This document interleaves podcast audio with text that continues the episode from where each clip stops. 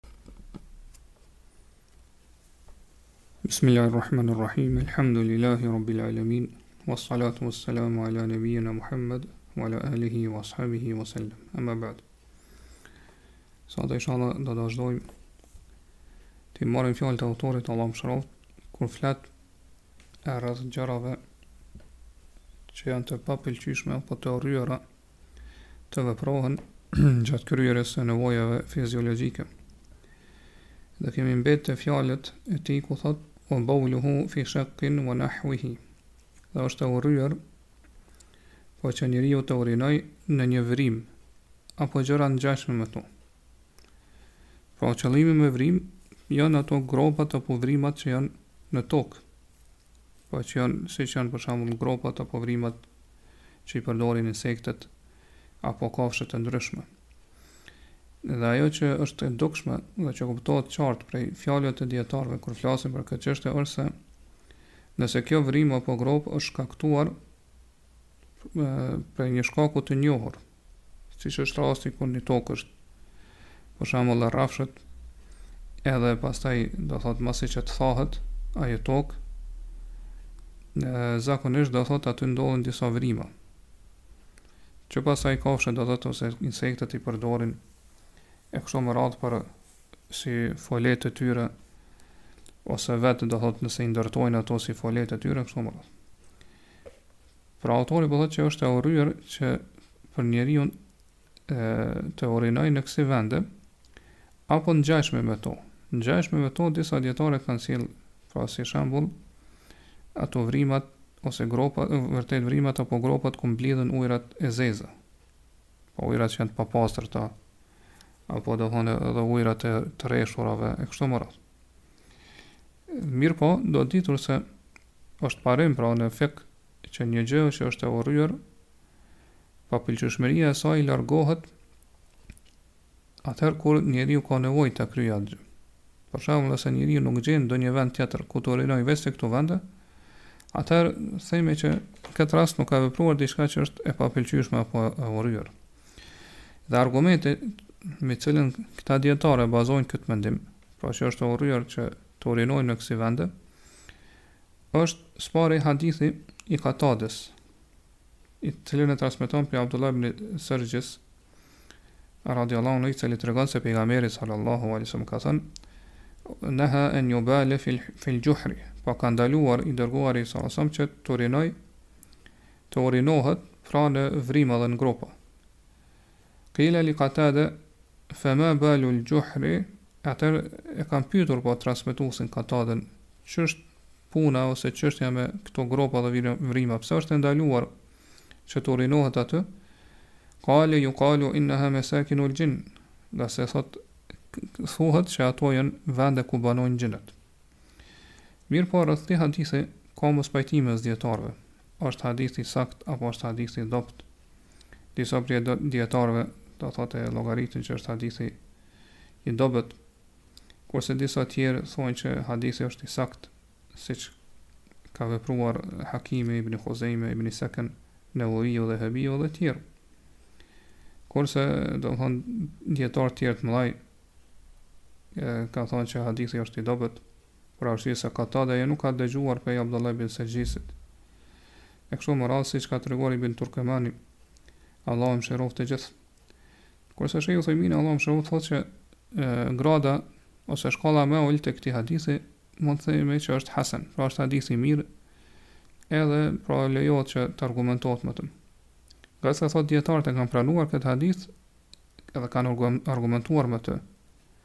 dhe kanë vepruar pra në bazë të këtij hadithi.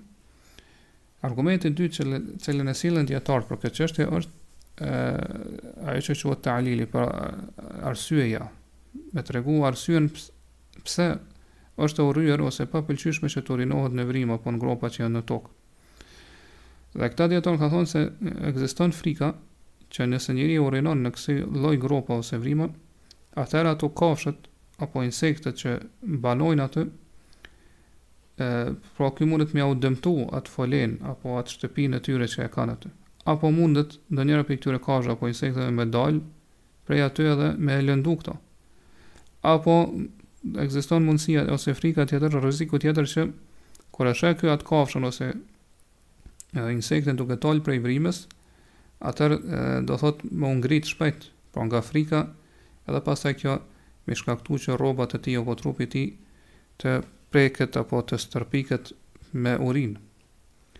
Dhe disa historianë e përmendin një ngjarje, një histori që i ka ndodhur zotërisë së fisit Hazrexh, pra prijësit të tyre, të parit të tyre, Saad ibn Ubades, radi Allah anhu, i cili thotë ka urinuar në një gropë vrimë në në Sham kur ka shkuar atje kur ka kur ka udhëtuar për në Sham. Dhe momentin që e ka përfunduar pra urinimin është shtrirë i vdekur. Pastaj disa prej njerëzve që kanë qenë duke banuar në Medinë kanë dëgjuar një thirrës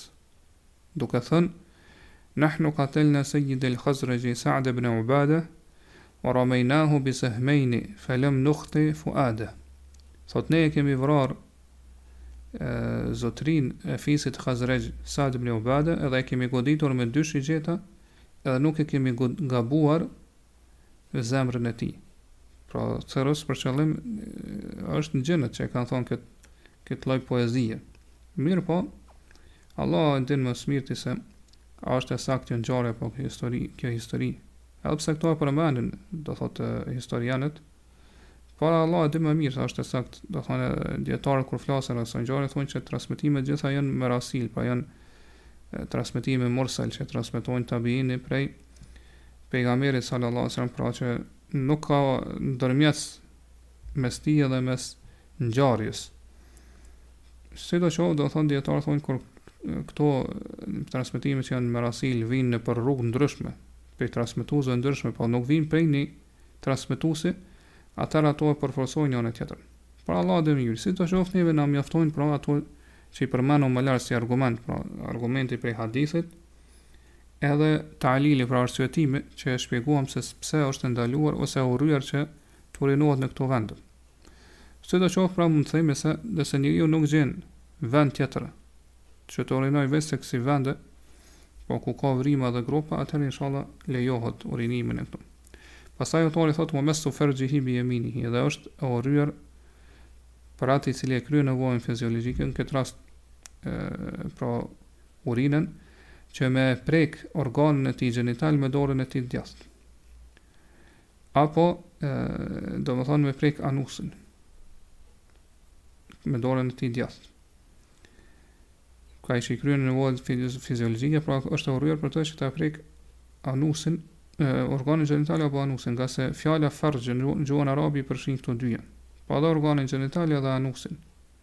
Edhe ka ardh këtu massu farjihi. Pra ka ardh njëjës që iu ka bashkangjitur një ë përemri me prek farjin e tij. Prandaj kjo tregon përgjithësim. Pra e përfshin edhe anusin, edhe organin gjenital. Prandaj është e urryer pra që njeriu me dorën e tij të djathtë me i prek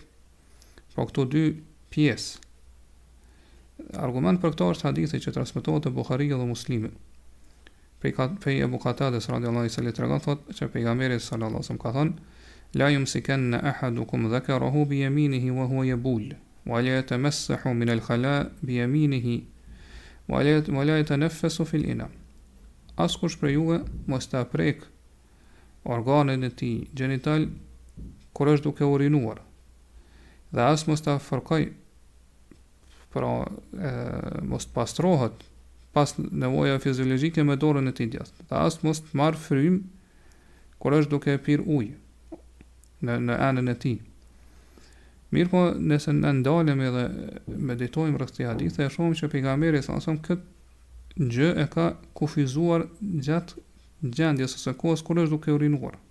Pra thotë wahuwa yabul, pra mos ta prekë organin e tij gjenital kur është duke urinuar, pra në këtë gjendje. Prandaj dijetarët këtu kanë mospajtime rreth këtij kufizimi që e ka përmendur pejgamberi apo rreth këtij kushti që e ka përmendur përmendur pejgamberi në këtë hadith. A është për qëllim me fjalët me fjalët e pejgamberit apo me këtë ndalesë vetëm pra në rastet apo vetëm në atë gjendje kur është duke urinuar ngase domethënë arsyja pse ka ndaluar personin duke urinuar është se ka mundësi që dora e tij të bëhet e papastër me urin gjatë pra dora e tij e djathtë të bëhet e papastër me urin gjatë urinimit Po edhe kështu pra kurse në raste të tjera kur është nuk kur është kur nuk është duke urinuar atëherë nuk është e urryer që të preket organi gjenital ngase ai llogaritet sikurse një një pjesë e trupit siç i ka thënë pejgamberi s.a.s. atij hadithit atij personit kur siç ka thënë në hadithin e saktë që i ka thënë atij personit kur e ka pyetur që nëse e prek organin e tij gjenital gjatë namazit a prishet namazi dhe abdesi apo jo, pejgamberi s.a.s. ka thënë inna ma huwa bad'atun mink, ai është vetëm një pjesë e trupit tënd. Prandaj këta dijetarë kanë thonë se është një pjesë, sikurse pjesët e tjera të trupit, atëherë nuk ka dallim e prek me dorën e djathtë apo me dorën e majtë. Po kështu ka përmend edhe Ibn Haxheri në Fet'hul Bari dhe në Insaf këtë mendim të dijetarëve.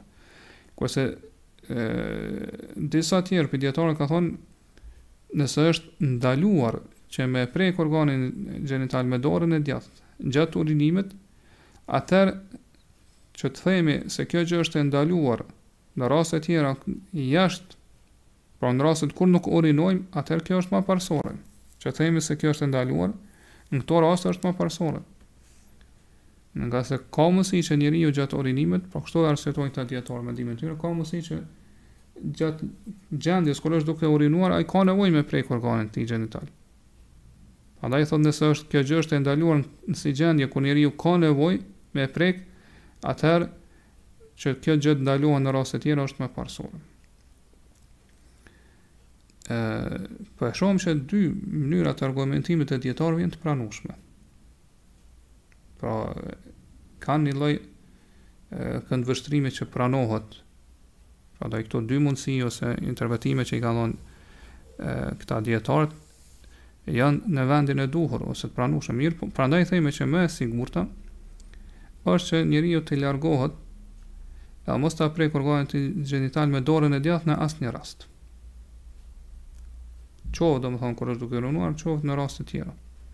Mirëpo, që të themi se në mënyrë të prerë dhe të vendosur që kjo është e urryer, atëherë mund të themi që kjo është vetëm gjatë urinimit për shkak të hadithit që e lexuam më lartë. Kurse jashtë urinimit ka mundësi që kjo të jetë e urryer ose e papëlqyeshme.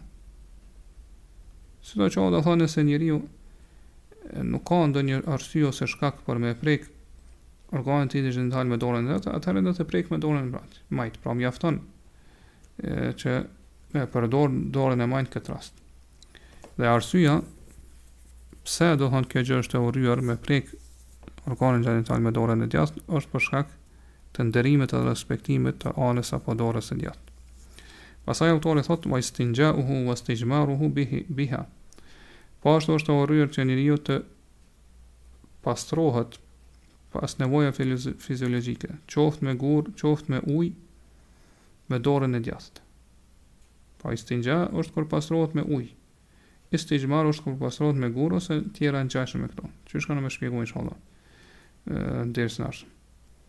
Dhe kjo thotë autori është e urryer, ngase qysh e pamë në hadithin e pejgamberit s.a. më lart që tha askush prej jush mos të fërkohet, apo mos të pastrohet pas nevojës fiziologjike, qoftë me gurë, qoftë me ujë me dorën e djathtë. Edhe këtu domethënë është i njëjti arsyetim. Pse kjo gjë është e urryer? Ngase kemi të bëjmë me respektimin apo nderimin e dorës së djathtë. Mirëpo nëse njeriu ka nevojë që të pastrohet, qoftë me ujë, qoftë me gurë, me dorën e tij të djathtë, për shembull në rastet kur dorën e majtë e ka të paralizuar, atëherë këtu, domethënë urrejt, urrejtja ose papëlqyeshmëria në këtë rast largohet.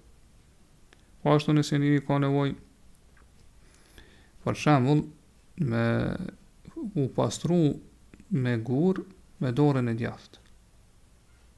Kur ndodh kjo? Kjo ndodh në rastet kur guri të cilin e përdor është shumë i vogël. Këtu dijetarët kanë thënë se ka mundësi këtë gurin me vendos mes dy këmbëve të tij, pastaj do thot me, me, me marrë me, me dorën e majtë dhe me fërku pra organin gjenital për gurit, atëherë kështu duhet me vepru. E nëse nuk ka mundësi, atëherë thotë e kap me dorën e djathtë, gurin pra, kurse thotë e merr me dorën e majtë edhe organin gjenital edhe e fërkon për gurin. Siç është përmendur këtu në librin El Insaf. Pastaj autori vazhdon thotë wa istiqbalun ne wa istiqbalun nejjirejni.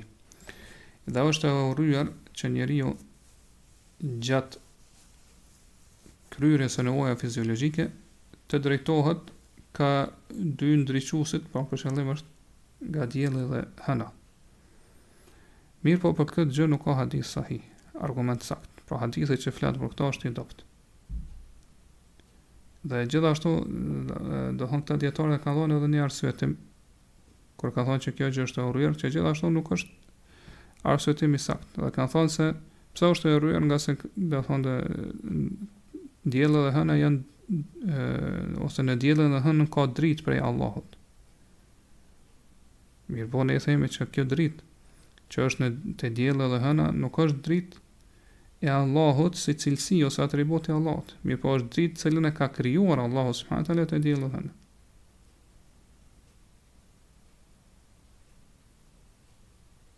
Prandaj, domethënë ky mendim që e kanë dhënë ata është diskutabil, pra është i diskutueshëm. Ngase kjo ë domethënë ky mendim kërkon që pastaj të jetë e urryer ose e papëlqyeshme që të drejtohemi edhe ka yjet gjatë kryerjes së nevojës fiziologjike, për shambull. Po ashtu nëse e themi këtë, ose pranojmë këtë mendim, atëherë mund të themi se çdo gjë në të cilën ka dritë,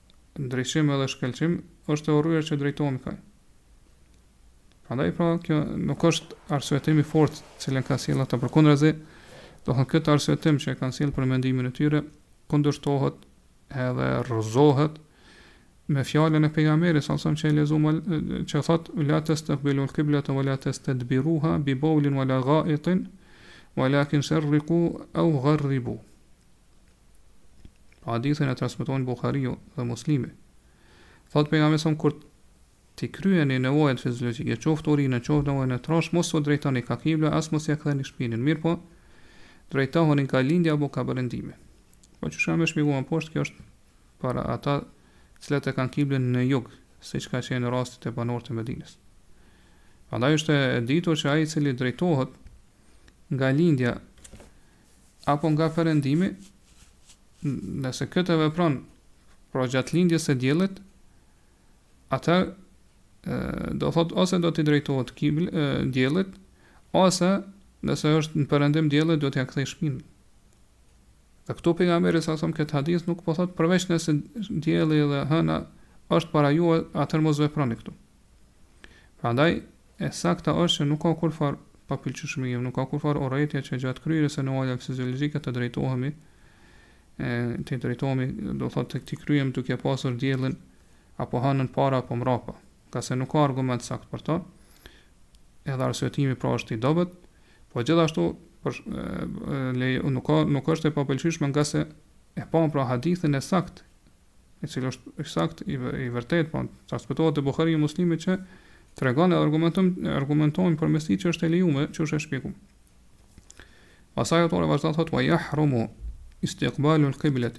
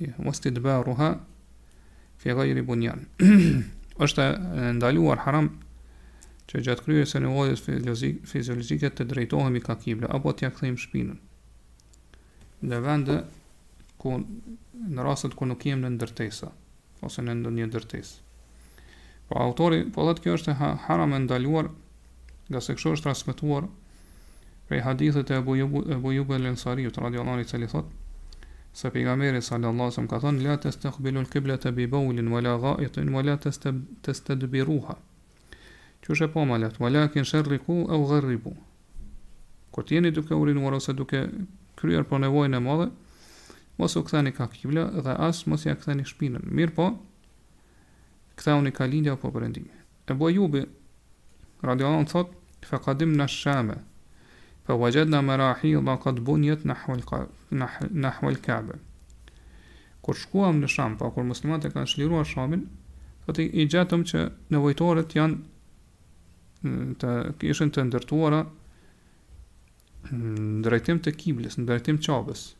Fe nenharifu anha, ve nestagfiru Allahe. Thotë, kështu që ne ktheheshim pak, pra që të mos jemi në drejtim të Qabes, ktheheshim pak, edhe kërkonim falje prej Allahut subhanehu ve teala. Pra qysh thamë këtë hadith e transmetojnë Buhariu dhe Muslimi. Pra pejgamberi salallahu alejhi ve selem po thotë as mos ja mos u drejtoni, as mos ja ktheni shpinën Qabës në këtë gjendje.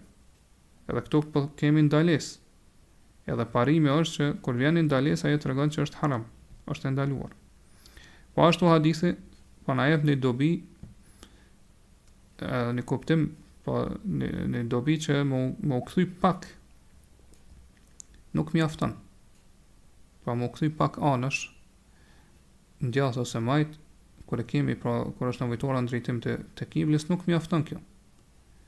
Ngase pejgamberi po thotë kthehuni ka lindja ose ka perëndimi. Po kjo tregon që duhet të kthehemi komplet ka lindja dhe ka perëndimi. Mirëpo qysh thamë lartë, qëllimi i pejgamberit me këto fjalë kthehuni ka lindja perëndimi është që pra mos m'iu drejtu kiblës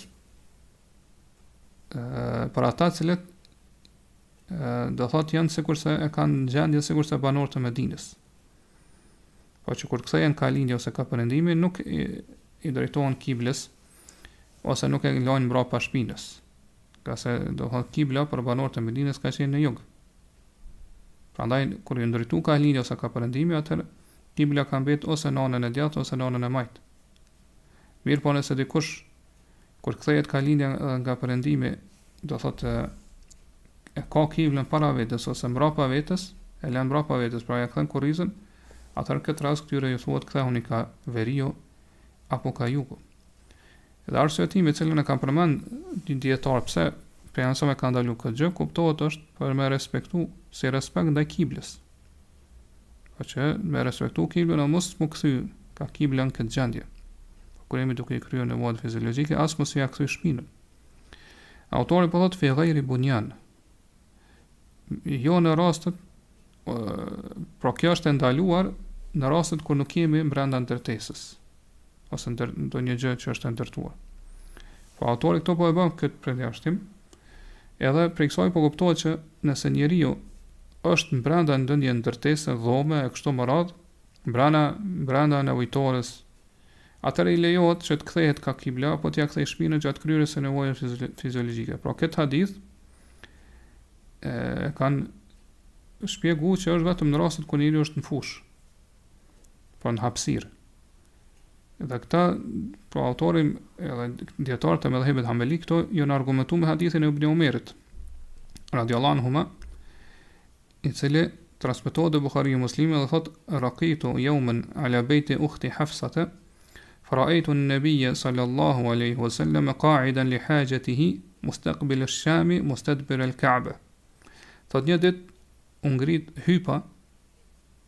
mbi shtëpinë e motrës sime, Hafsës, mbi dhomën, po shtëpinë të cilën e ka pas, Hafsa, gruaja e Pejgamberit, sallallahu alejhi ve sellem, thotë, dhe e pashë Pejgamberin, sallallahu alejhi ve sellem, që ishte ulur për me i kry nevojat e tij fiziologjike dhe ishte i drejtuar ka Shami, kurse Qabën e kishte lënë prapa shpinës, pra i kishte kthyer shpinën Qabës.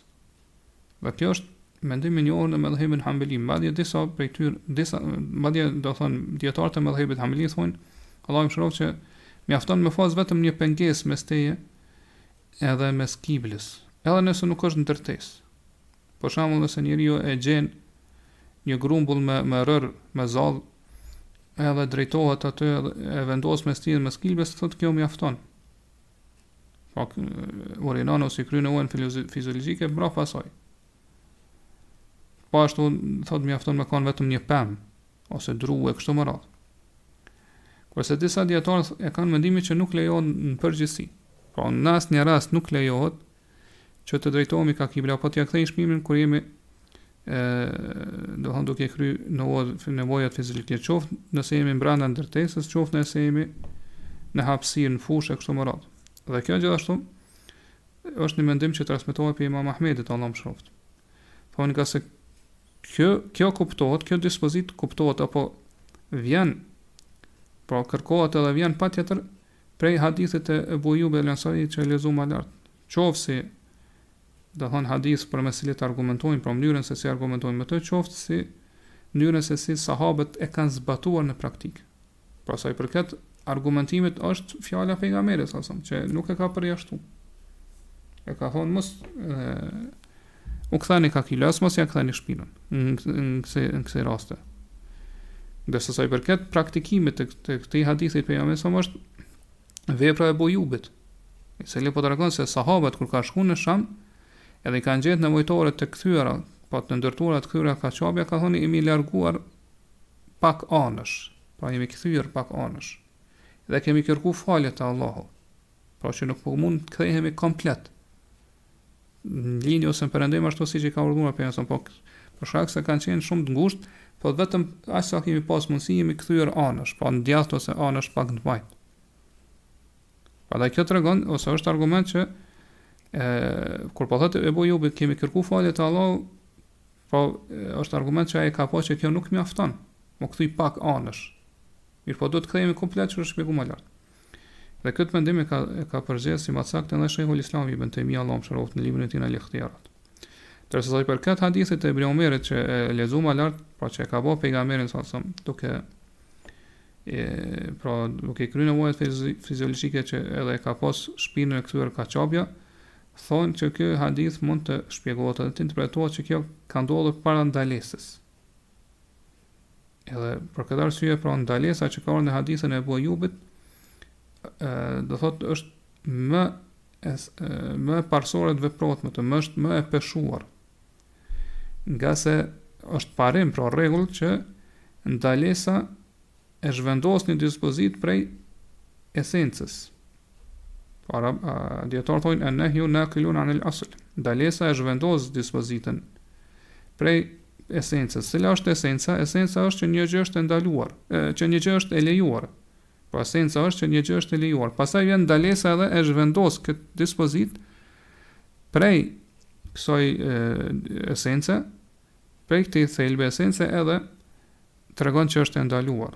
Prandaj dijetarët thonë që Ai, e, hadith që e zhvendos një dispozitë prej esencës është më parsorë të punohet me të.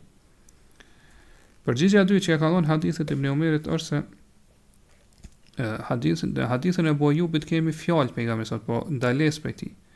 Kurse te hadithi i Ibn Omerit kemi veprim të pejgamberit sallallahu alajhi wasallam. Prandaj thonë që fjala e veprimi i pejgamberit nuk mund ta kundërshtojë fjalën e tij. Ngase veprimi i pejgamberit sa mund të jetë mund të të kuptohet ose ka gjasë, pra mund të interpretohet që kjo ka qenë po ka hususi e ka qenë e veçantë vetëm për pejgamberin sallallahu alajhi wasallam, jo për umetin e tij, ose mund të ka ndodhur për shkak të harresës apo për ndonjë arsye tjetër. Mirëpo shejh Uthejmini thotë që kjo Ky probabilitet që e kanë sjellë këta, kjo gjasë, kjo mundësi që e kanë sjellë është i refuzohet. Ngase në parim, në esencë është që na duhet me pasu pejgamberin sa, me ndjek atë, qoftë edhe në veprat e tij. Pastaj thotë nuk kemi kundërshtim të plotë mes veprës së pejgamberit sa edhe fjalës së tij. Sikur të kish pas kundërshtim të plotë, atëherë kishim mujt me me thënë ose me pranu këtë mendimin që veprimi i pejgamberit ka qenë vetëm i veçantë për të. Po ka pas veç ka qenë e veçantë vetëm për të. Po kjo mund të pranohej ose si mendim ose opinion i saktë. Mund të ishte më i pranueshëm.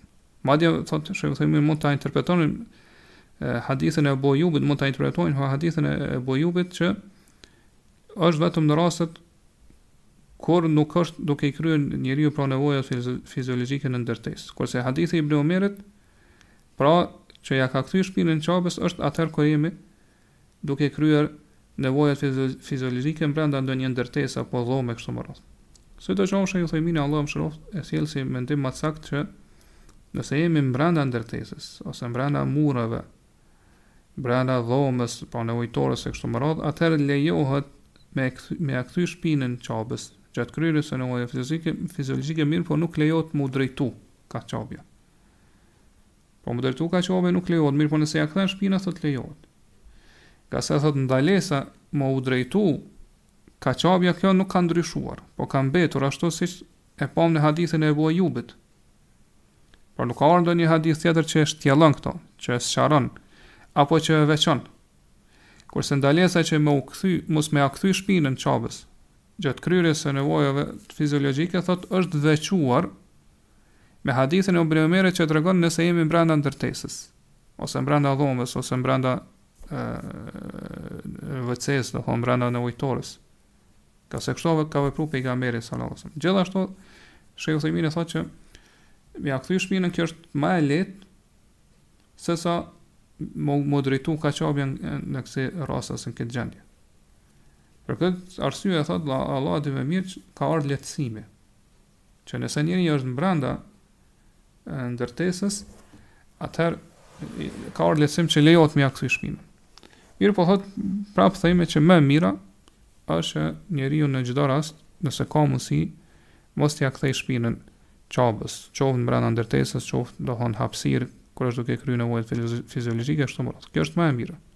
Kurse mu kthy mu drejtu ka ka ka kibla kjo është e ndaluar në çdo gjendje. Pastaj sa i përket kthimit ka kibla në disa raste kjo është haram. Siç është rasti për cilin jemi duke fol. Disa raste është obligim, siç është rasti në namaz. Në disa raste është mekruh. Pra është e papëlqyeshme, e urryer, siç është rasti gjatë hytbes së xhumasë. Pra është e urryer për hatibin që gjatë hytbes së xhumasë mu kthy ka kibla edhe mi lanë njerzt mbrapa vetes, pra mi u kthy shpinën njerzve, mi u kthy kurrizin. Nganjëherë kthimi ka kibla është mustehab, është e pëlqyeshme. siç është rasti gjatë duas, kur jemi duke u lutur, e, kur marrum abdes, e kështu me radhë. Saqë disa, disa dijetarë kanë thënë që çdo adhurim që kryhet për Allahun subhanehu ue teala është më e pëlqyshme gjatë atij adhurimi të kthehemi ka kibla.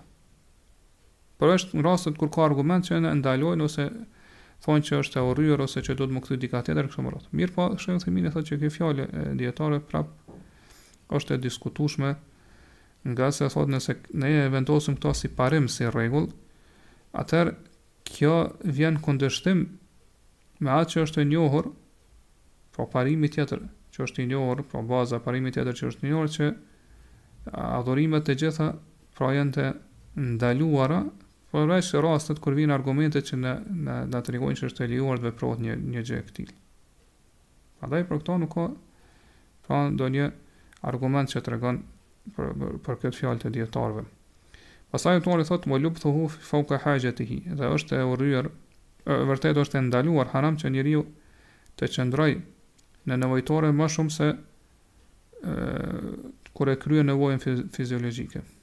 Po me qëndru ma shumë pasi që, pasi që e kryen nevojën fiziologjike. Po mo, momentin ose në çastin që e përfundon, duhet me dalë prej, nevoj, prej, prej nevojtores, edhe mu largu, pra mu pastru edhe mu largu. Dhe këta dijetarë e kanë arsyetu këtë mendim të tyre me dy arsyetime. E para është se nëse njeriu qëndron më gjatë se kryerja e nevojës fiziologjike, atëherë kjo i bie që me e zbulu avretin pa nevojë. Gjithashtu kanë thënë që këto vende ku njeriu i kryen nevojat fiziologjike, nevojtoret e tjera, janë vendstrehim i shejtanëve, edhe i shpirtrave të këqij. Prandaj njeriu nuk duhet që me qëndru në këtë vend të flliqt, këtë vend të papastër që është vend i këtyre krijesave të flliqta dhe të papastërta pa nevojë. Sa i përket, pra, kësa, këtij mendimi të dijetarëve që është haram me qëndru, do thotë më shumë se sa, kur i kryn njeriu nevojat fiziologjike, siç po shihni këta, këtë mendimin e tyre e kanë bazu, kanë argumentu në, në tealil, pra, s'kanë pru argument, vetëm kanë pru, pra, kësi lloj arsyetime. Nuk ka argument prej pejgamberit, sallallahu alajhi wasallam. Për këtë arsye, imam Ahmedi, Allahu e mëshiroftë, në një, transmetim që përcillet prej tij thotë innehu yukrahu wa la yahrum wa la yahrum. Kjo gjë është vetëm e urryer. Mirëpo nuk mund të themi që është haram, nuk mund të themi që është e ndaluar. Pastaj vazhdon thotë wa bawluhu fi tariqin wa dhillin nafi'in. Dhe është haram po që njeriu të urinojë në rrugë apo në ndonjë hije të dobishme, Po kjo gjë është haram. Donë urinimi në këto vende, ndërsa sa i përket kryerjes së nevojës së trashë, nevojës së madhe, kuptohet kjo është haram. Ë ma mund të themi se është haram, do thot ma ma shumë, edhe ma parësore të themi që është haram nëse i kryen nevojën nevojën e trashë. Dhe për këto kemi edhe argument,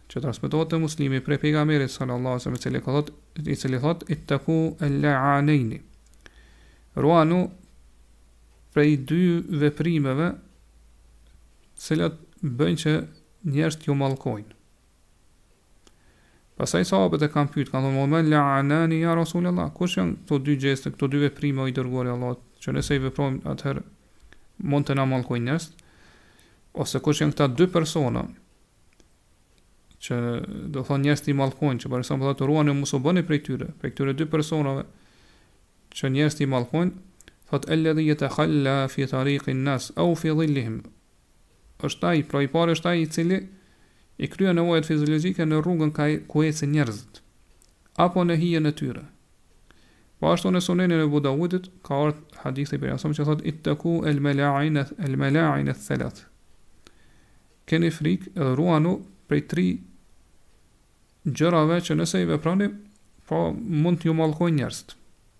Pastaj thot El Biraz El Biraz e fil Mawarid, pra mi kry nevojat fiziologjike në burimet e ujërave ku njerëzit pinë ujë. afër aty ose do thonë në burim e kështu me radhë. Wa qari'at at-tariq edhe në vendin ku ecin njerëzit, në rrugën ku ecin njerëzit, po në mes të rrugës apo anësh rrugës ku njerëzit ecin. Wa dhill edhe në hije. Edhe pse rreth këtij hadithi të fundit ka mospajtim mes dijetarëve është i saktë apo jo? Por një një një pjesë e madhe e dijetarëve e saktësojnë, siç është do thonë rasti me Hakimin ibn Sakan Dhehebiun edhe kurse Imam Nawawi thotë është hasan. Sido qoftë arsyeja pse është ndaluar kjo gjë, edhe pse pejgamberi sa sa po thotë që ai që vepron kështu është i mallkuar ngase njerëzit pra e mallkojnë,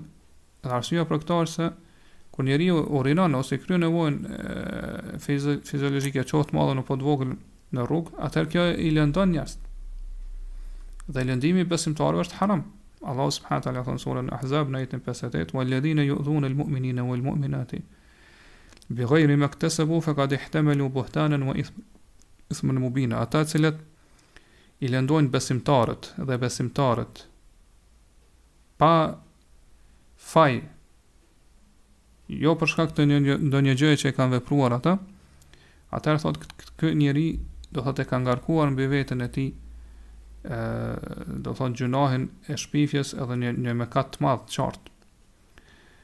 Po ashtu autori po vazhdon thot wa dhillin nafi edhe është e ndaluar që haram që njeriu të urinoj apo të kryej nevojën e trashë në një hije të dobishme,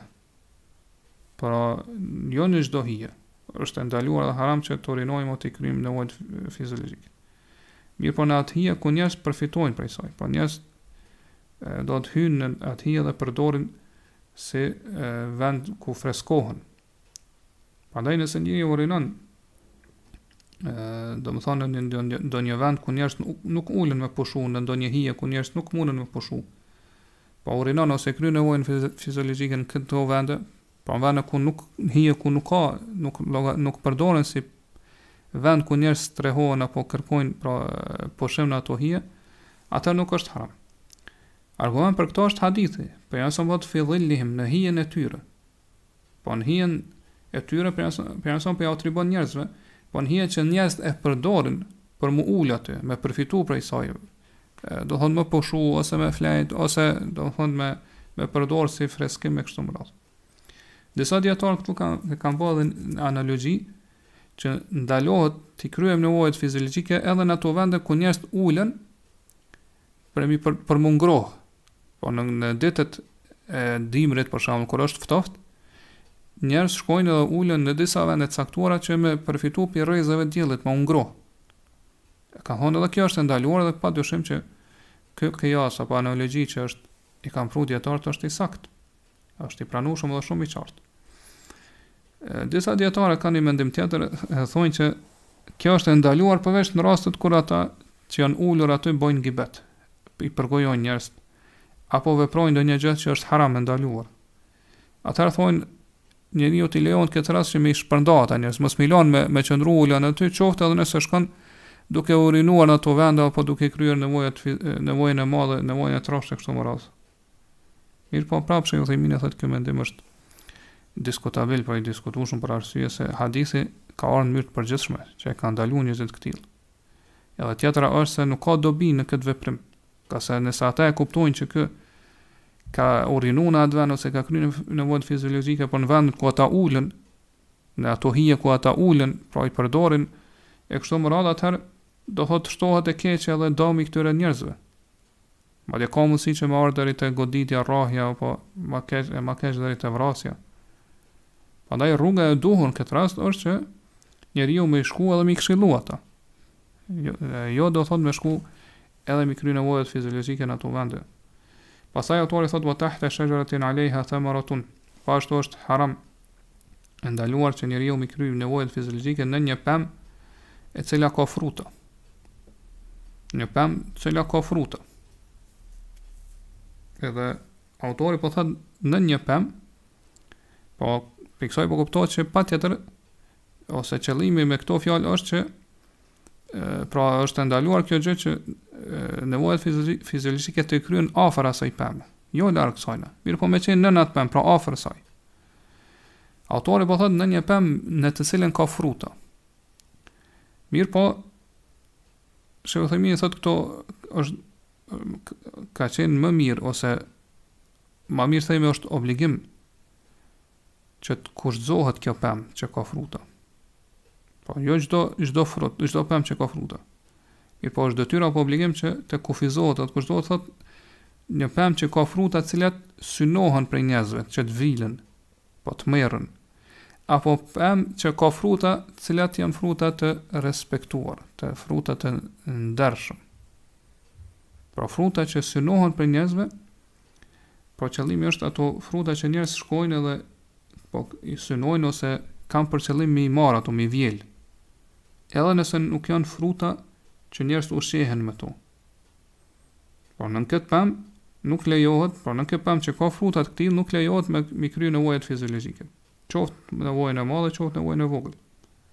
Ka se ka mundësi që këto fruta me ra, pra në këtë nevojë edhe bëhen të papastërta. Apo ai i cili shkon m'i vjel këta fruta, m'i marr, po ai një shkon dikush edhe dëshiron me u ngjit në atë pemë, m'i vjel këta fruta dhe m'i marr atëherë, patjetër ka me kalu nëpër këtë, këtë urinë apo nëpër këtë nevojë të trashë kështu me radhë, kështu do, do, po, do të ndytet ose do të njolloset me këtë papastërti. Kurse fruta që janë muhterame, që janë të respektuara, është për qëllim, për shembull, frutat e hurmës. Edhe nëse hurma është në një vend ku njerëzit nuk e synojnë që me shku me e vjel ose m'i marr frutat e saj, prap Pra, edhe nëse ajo është në një vend ku askush nuk shkon me vjel, prap nuk lejohet që të urinohet apo të kryejmë nevojën e madhe në në në në trupin apo pemën apo palmën e hurmës. Përderisa ajo ka fruta. Për arsye se, thotë shejh Uthejmini, Allahu e mëshiroftë, hurma është ushqim që respektohet. Thotë këtu hyjnë edhe krejt pemë tjera, Edhe krejt fruta tjera. Pra pemë tjera që kanë fruta që janë të që respektohen sikurse hurma, pra që përdoren si ushqim sikurse hurma. Thotë edhe në këto pemë pra nuk lejohet që të urinojmë apo të kryejmë nevojën e madhe, edhe nëse është në një vend të largët ku njerëzit nuk e synojnë ose nuk e ka nuk shkojnë për me me m'i marr ose me vjel frutat e saj. Pastaj janë disa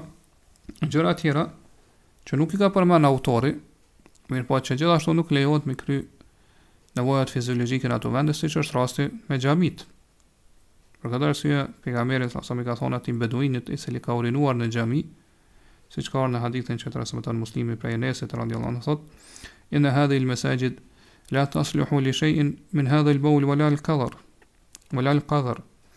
Innama hiya li dhikrillahi azza wa jall was salati wa qira'ati al-Quran. Thotë këto xhamia nuk janë ndërtu, nuk janë vend ku njerëzit m'i kry nevojat e tyre fiziologjike, pra urinimin apo nevojën e trashë apo me hedh mbeturinat, domethënë gjëra të papastërta. Xhamia nuk është ndërtu për për këtë gjë, pra xhamia është vend i pastër. Për këtë arsye thotë xhamiat janë ndërtuar vetëm për me përmend Allahun, me fal namaz dhe me lexu Kur'an. Po ashtu gjithashtu, pra është ndaluar që të kryen nevojat fiziologjike në, në shkolla. Pra dhe në çdo vend ku njerëzit tubohen, mblidhen, qoftë për çështje të fesë, qoftë për çështje të dunjasë. Nuk lejohet që njeriu me shku aty dhe mi kry nevojat e tij fiziologjike. Dhe arsyetimi ose arsyeja e kësaj është analogjia, apo kijasi, e bëjmë analogjik, pra me, me ndalesën e pejgamberit alejhi selam që ka ndalu që me urinu apo me kry nevojat fiziologjike në në rrugët në rrugën ku ec ku ecin njerëz apo në hijen e tyre. Prandaj këtu bëhet analogji çdo vend ku njerëzit bohen mblidhen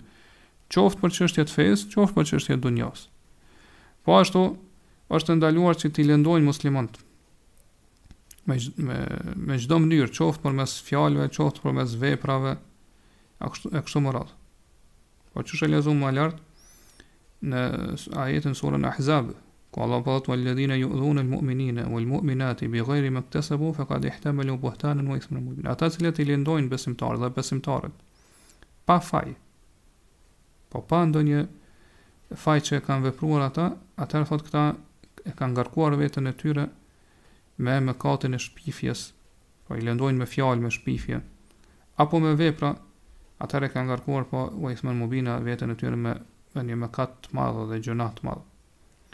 Ndërsa sa i përket banjove, ku njerëzit lahen edhe pastrohen, atëherë në këto vende nuk lejohet t'i kryjmë nevojat, nevojën e trashë, nevojën e madhe.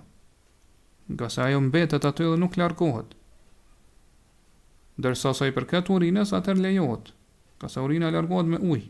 Edhe pse edhe në këtë rast themi më parësor dhe më mirë është që njeriu mos të urinojë as në këto vende. Mirëpo nëse njeriu ka nevojë për shembull që me urinu në kësi vende, siç është rasti kur nuk do të thotë krejt banjot e tjera janë të zëna, pra me me persona, me njerëz dhe nuk gjen pra vend ku me urinu atëherë, në kësi raste mund të themi që është pra është e lejuar siç e thotë Shejh Uthejmini ngase urina pra largohet përmes ujit. Pastaj autori vazhdon dhe i përmend mënyrën se si të pastrohemi prej nevojave fiziologjike.